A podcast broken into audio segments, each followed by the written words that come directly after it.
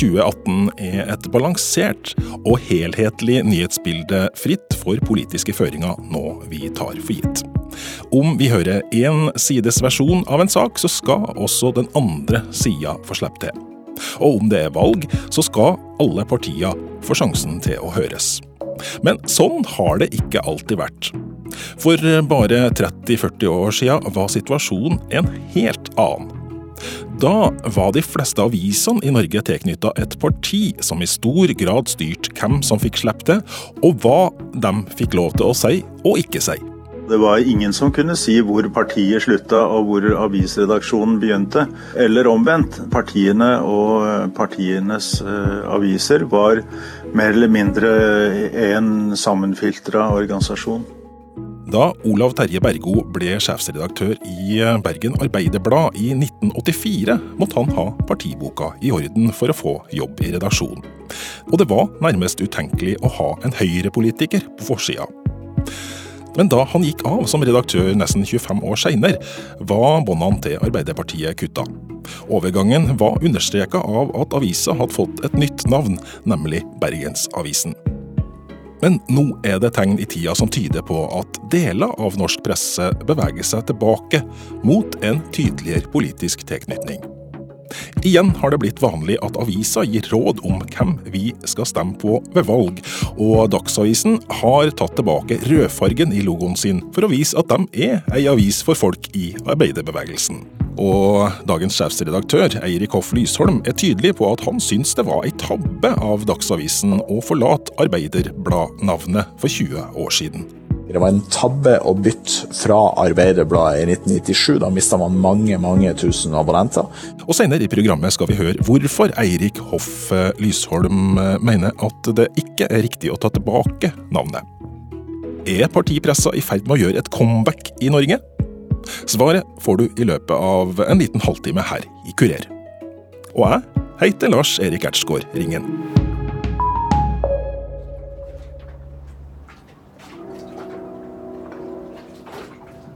Det er januar 1984, og Olav Terje Bergo tar over redaktøransvaret for Bergen Arbeiderblad, som ligger i Christian Michelsens gate, et par steinkast fra Vågen i Bergen.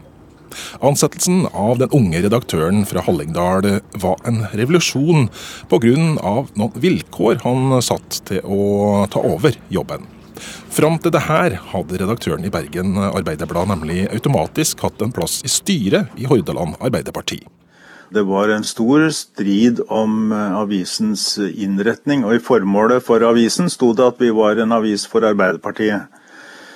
Den eh, typen journalistikk ville ikke jeg være ansvarlig for, så da jeg ble tilbudt den jobben, så ba jeg styret om å få eh, deres støtte til å bryte den forbindelsen mellom redaksjonen og Arbeiderpartiet. Det at mediene i Norge i løpet av 80- og 90-tallet snudd ryggen til den gammeldagse partipressa, var resultatet av en prosess som, ifølge den gamle sjefsredaktøren, tok flere tiår. For det var jo mange som hadde forsøkt på det samme før min tid, og gitt, mer eller mindre gitt opp på slutta. og eh, den første som vel hadde en veldig sånn klar markering og gjorde det, var Per Bratland. Han som tok bilde av kongen og kronprinsen under kongebjørka i Molde.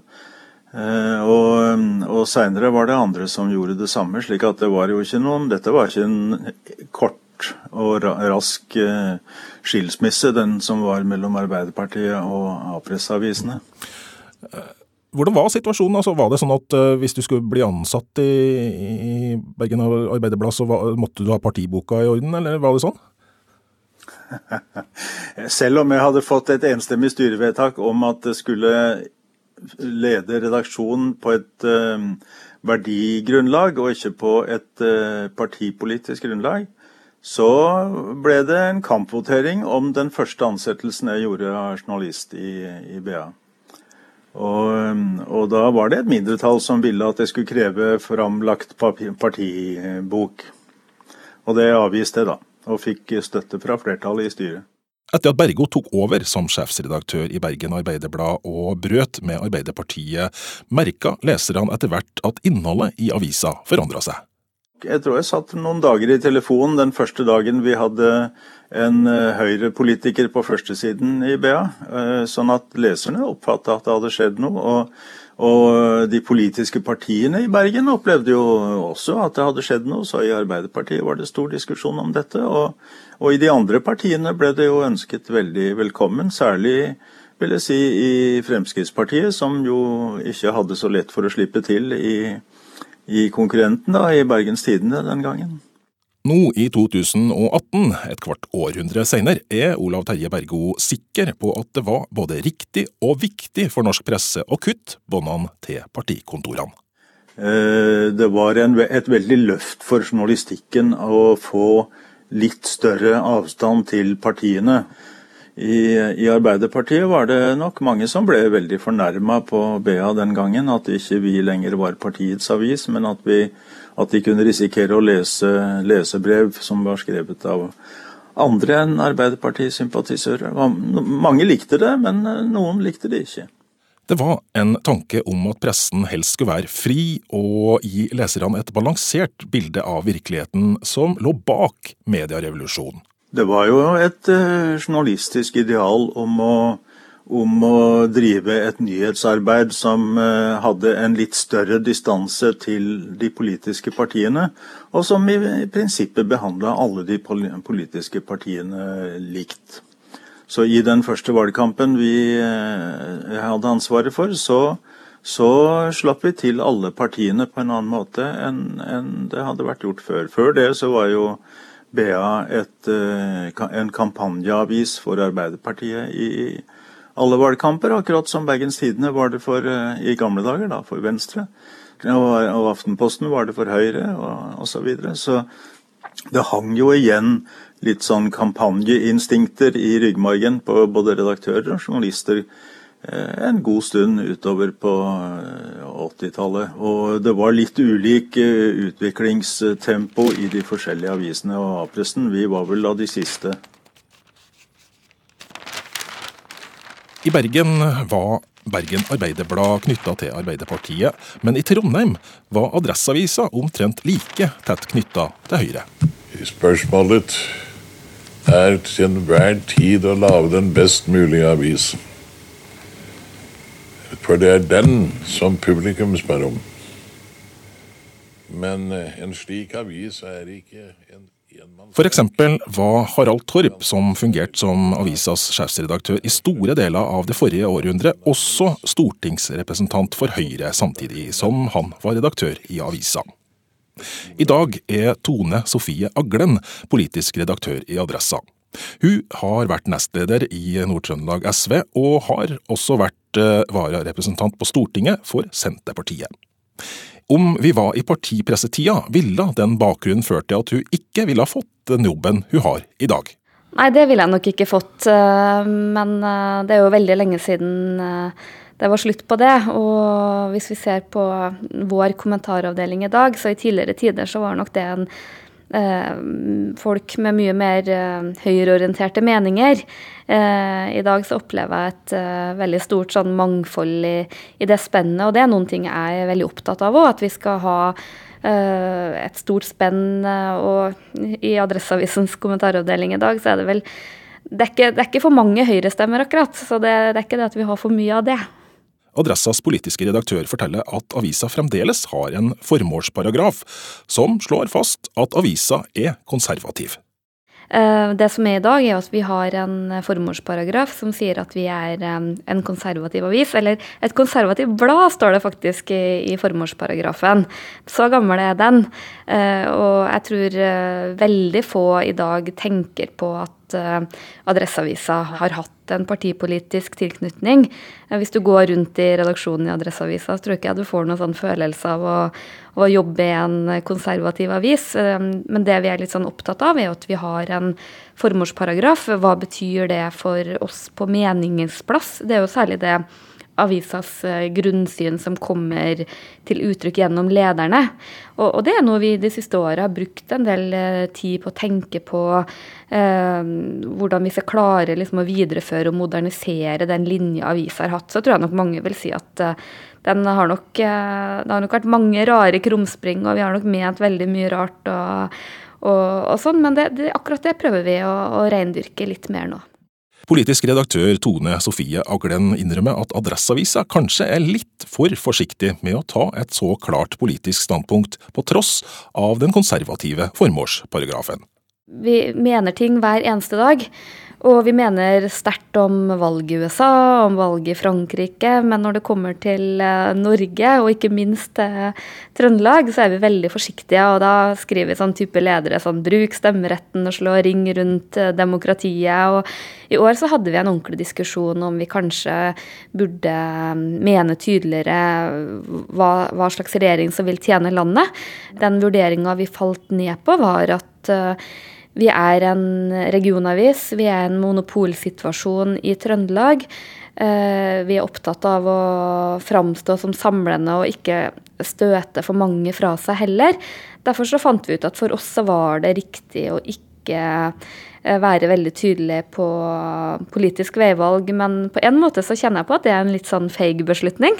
Det er ikke sikkert at den beslutninga står eh, eh, skrevet i stein. Og så er vi jo selvfølgelig redd for at dersom Adresseavisa hadde pekt på et parti eller et regjeringsalternativ, så vil noen begynne å tolke vår journalistikk inn i, i den ramma. Så det er mye vi må, vi, vi må, tenke på. Men jeg tror nok nettopp fordi vi er i den monopolsituasjonen som regionavis, så er vi nok mer forsiktige enn om vi hadde vært i en annen konkurransesituasjon eller hatt en mer sånn tydelig nisje.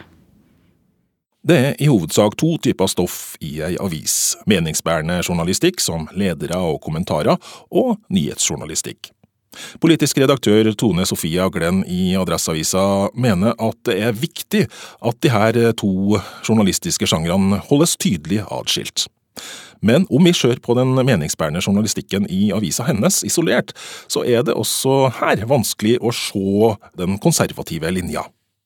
Eh, I dag så er vi veldig opptatt av meningsmangfold, og kanskje særlig hvis Adresseavisa mener en ting tydelig på lederplass, så vil jeg veldig gjerne ha kommentatorer som, som fremmer et annet syn på kommentarplass.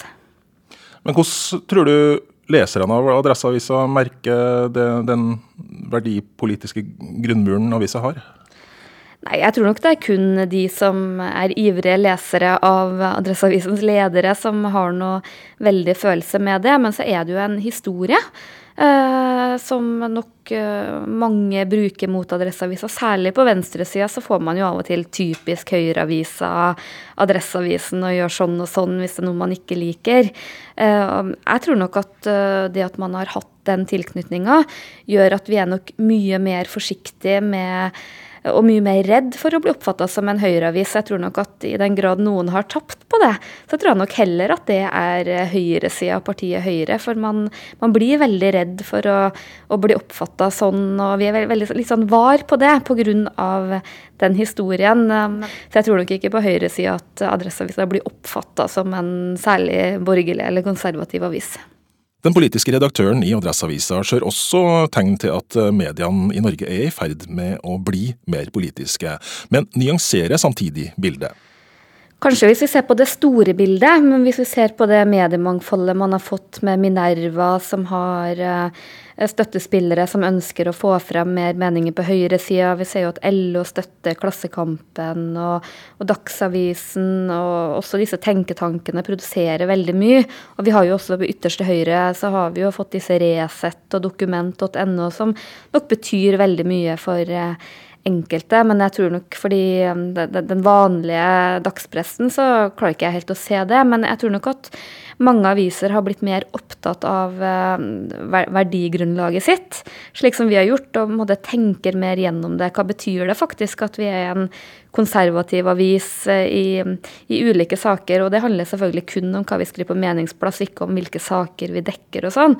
Og, og det tror jeg på en måte er en, um, at det er litt sånn verdifullt at aviser reflekterer over det. For eh, hvis man ikke forholder seg til disse formålsparagrafene, så har det i hvert fall ikke noe verdi å ha dem.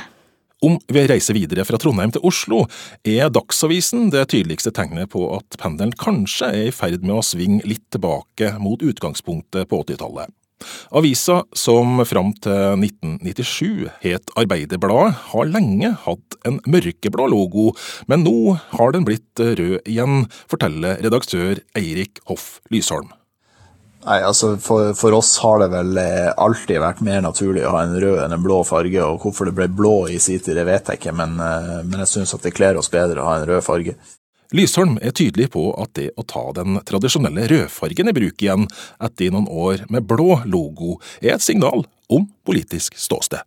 Man, man forsøkte å skape en avstand til eh, Arbeiderbladnavnet.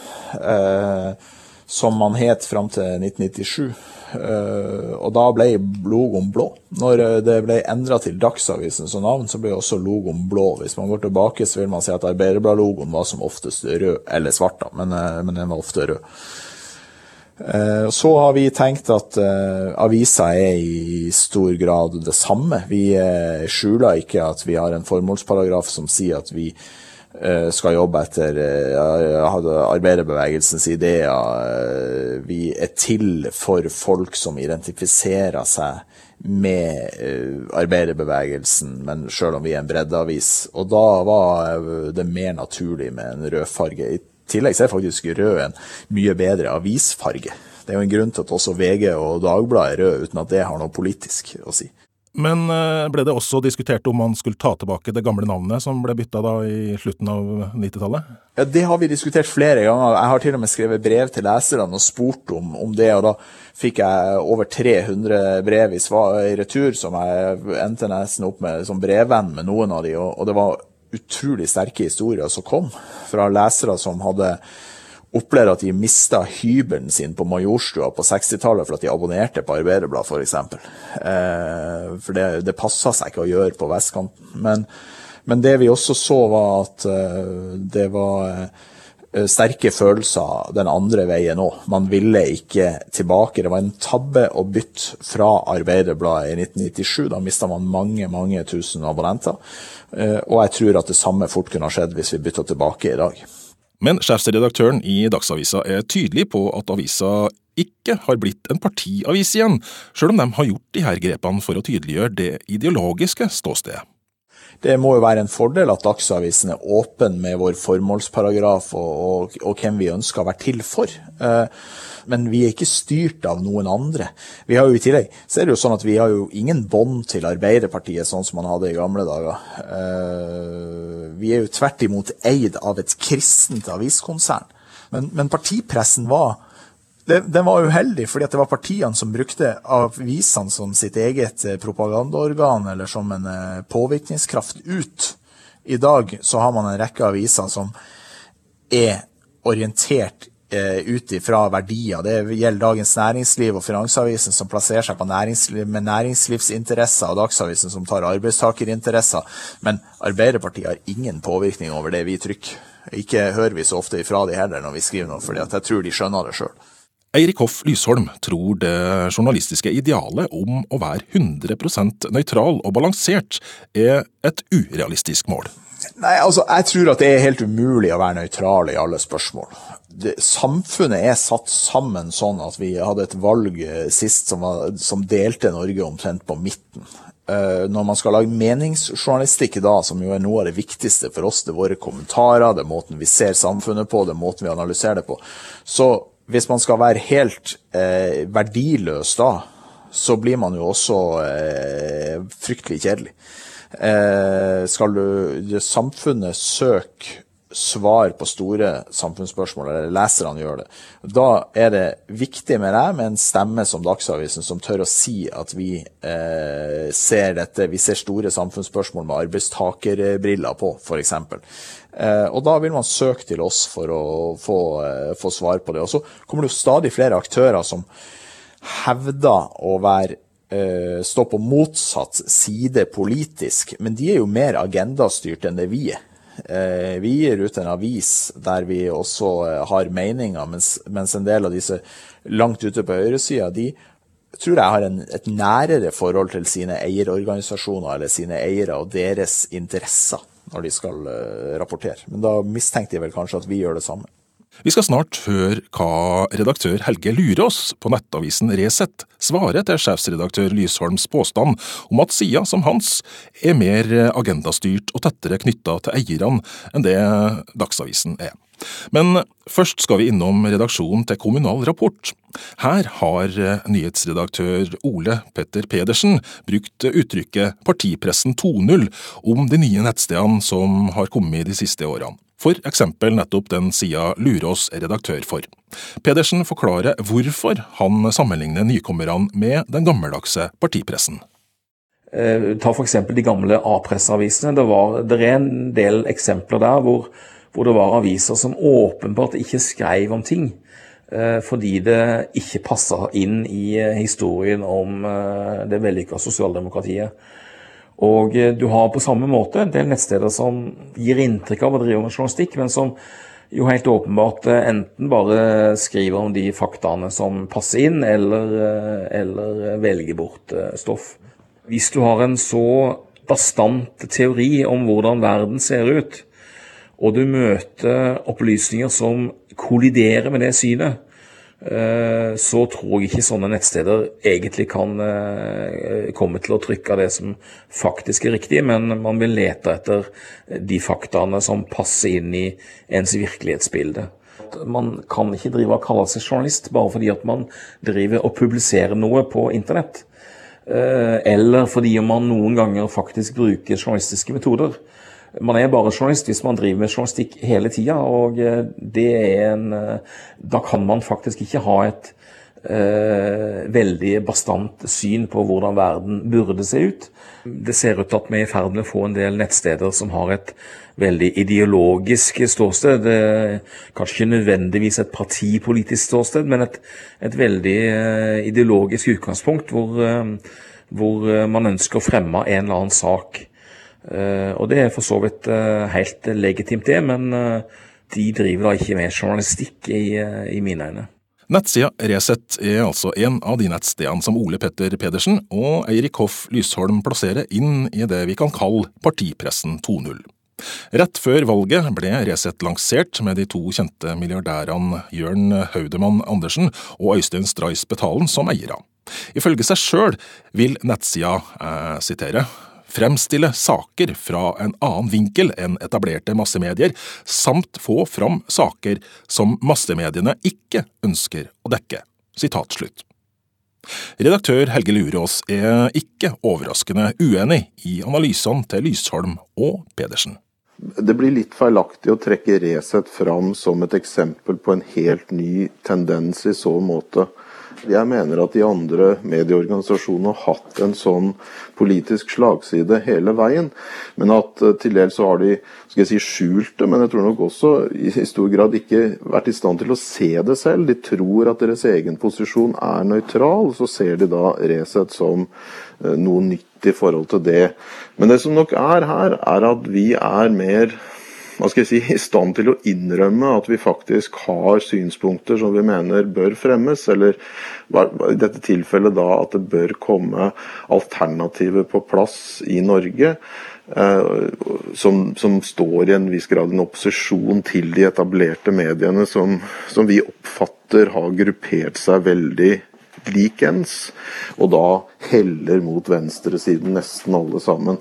Sånn at du kan si ja, for så vidt vi har en viss forankring på høyresiden, selv om denne høyre-venstre-aksen ikke lenger er like tydelig som han en gang var, og at kanskje eh, si, andre typer begreper eh, heller burde bli brukt. Men ja, vi er nok hva skal jeg si, i hvert fall mer i stand til å innrømme at vi rent faktisk har synspunkter som vi mener bør fremmes som alternativer i Norge. Redaktør Helge Lurås i Resett innrømmer at eh, det er krevende å sørge for at innholdet i Resett viser alle sider av virkeligheten med så lite ressurser som de har. Men han mener at redaksjonen bruker stoff fra NTB for å balansere helheten, og er uenig i at hans nettsted velger bort saker som ikke passer inn i deres virkelighetsoppfatning. Han forteller f.eks. For at sida, sjøl om eh, den har markert seg som kritisk til innvandring, også har hatt saker om vellykka integrering. Nei, altså På en måte så syns jeg for så vidt det er bra at man i, i større grad flagger den posisjonen som man rent faktisk uh, står for. Uh, fordi at det har mer ligger litt sånn implisitt, eller hva skal jeg si, skjult i i retorikken, skjult i ideologien, hvor man har stått tidligere. Og hvor det har vært en sånn falsk uh, nøytralitet eller falsk objektivitet som, som mediene har prøvd uh, å, å framstille seg selv i, som ikke har vært reell, etter min oppfatning. Og det har jo også Eh, hva skal jeg si, den norske konteksten, og for så vidt den vestlige også generelt, ført til en sånn mistillit mellom befolkningen og mediene. Fordi veldig store deler av folket har oppfatta at det er en, en, en, en, vinkling, en tendens, en slagside og en posisjon som mediene har tatt, samtidig som mediene ikke har innrømmet det selv. Så jeg tror faktisk at mediene vil vinne også troverdighet i forhold til lesere, seere, lyttere. Hvis man i, i, i større grad si, innrømmer det ståstedet man, man, man, likevel har, og har hatt allerede en god, god stund.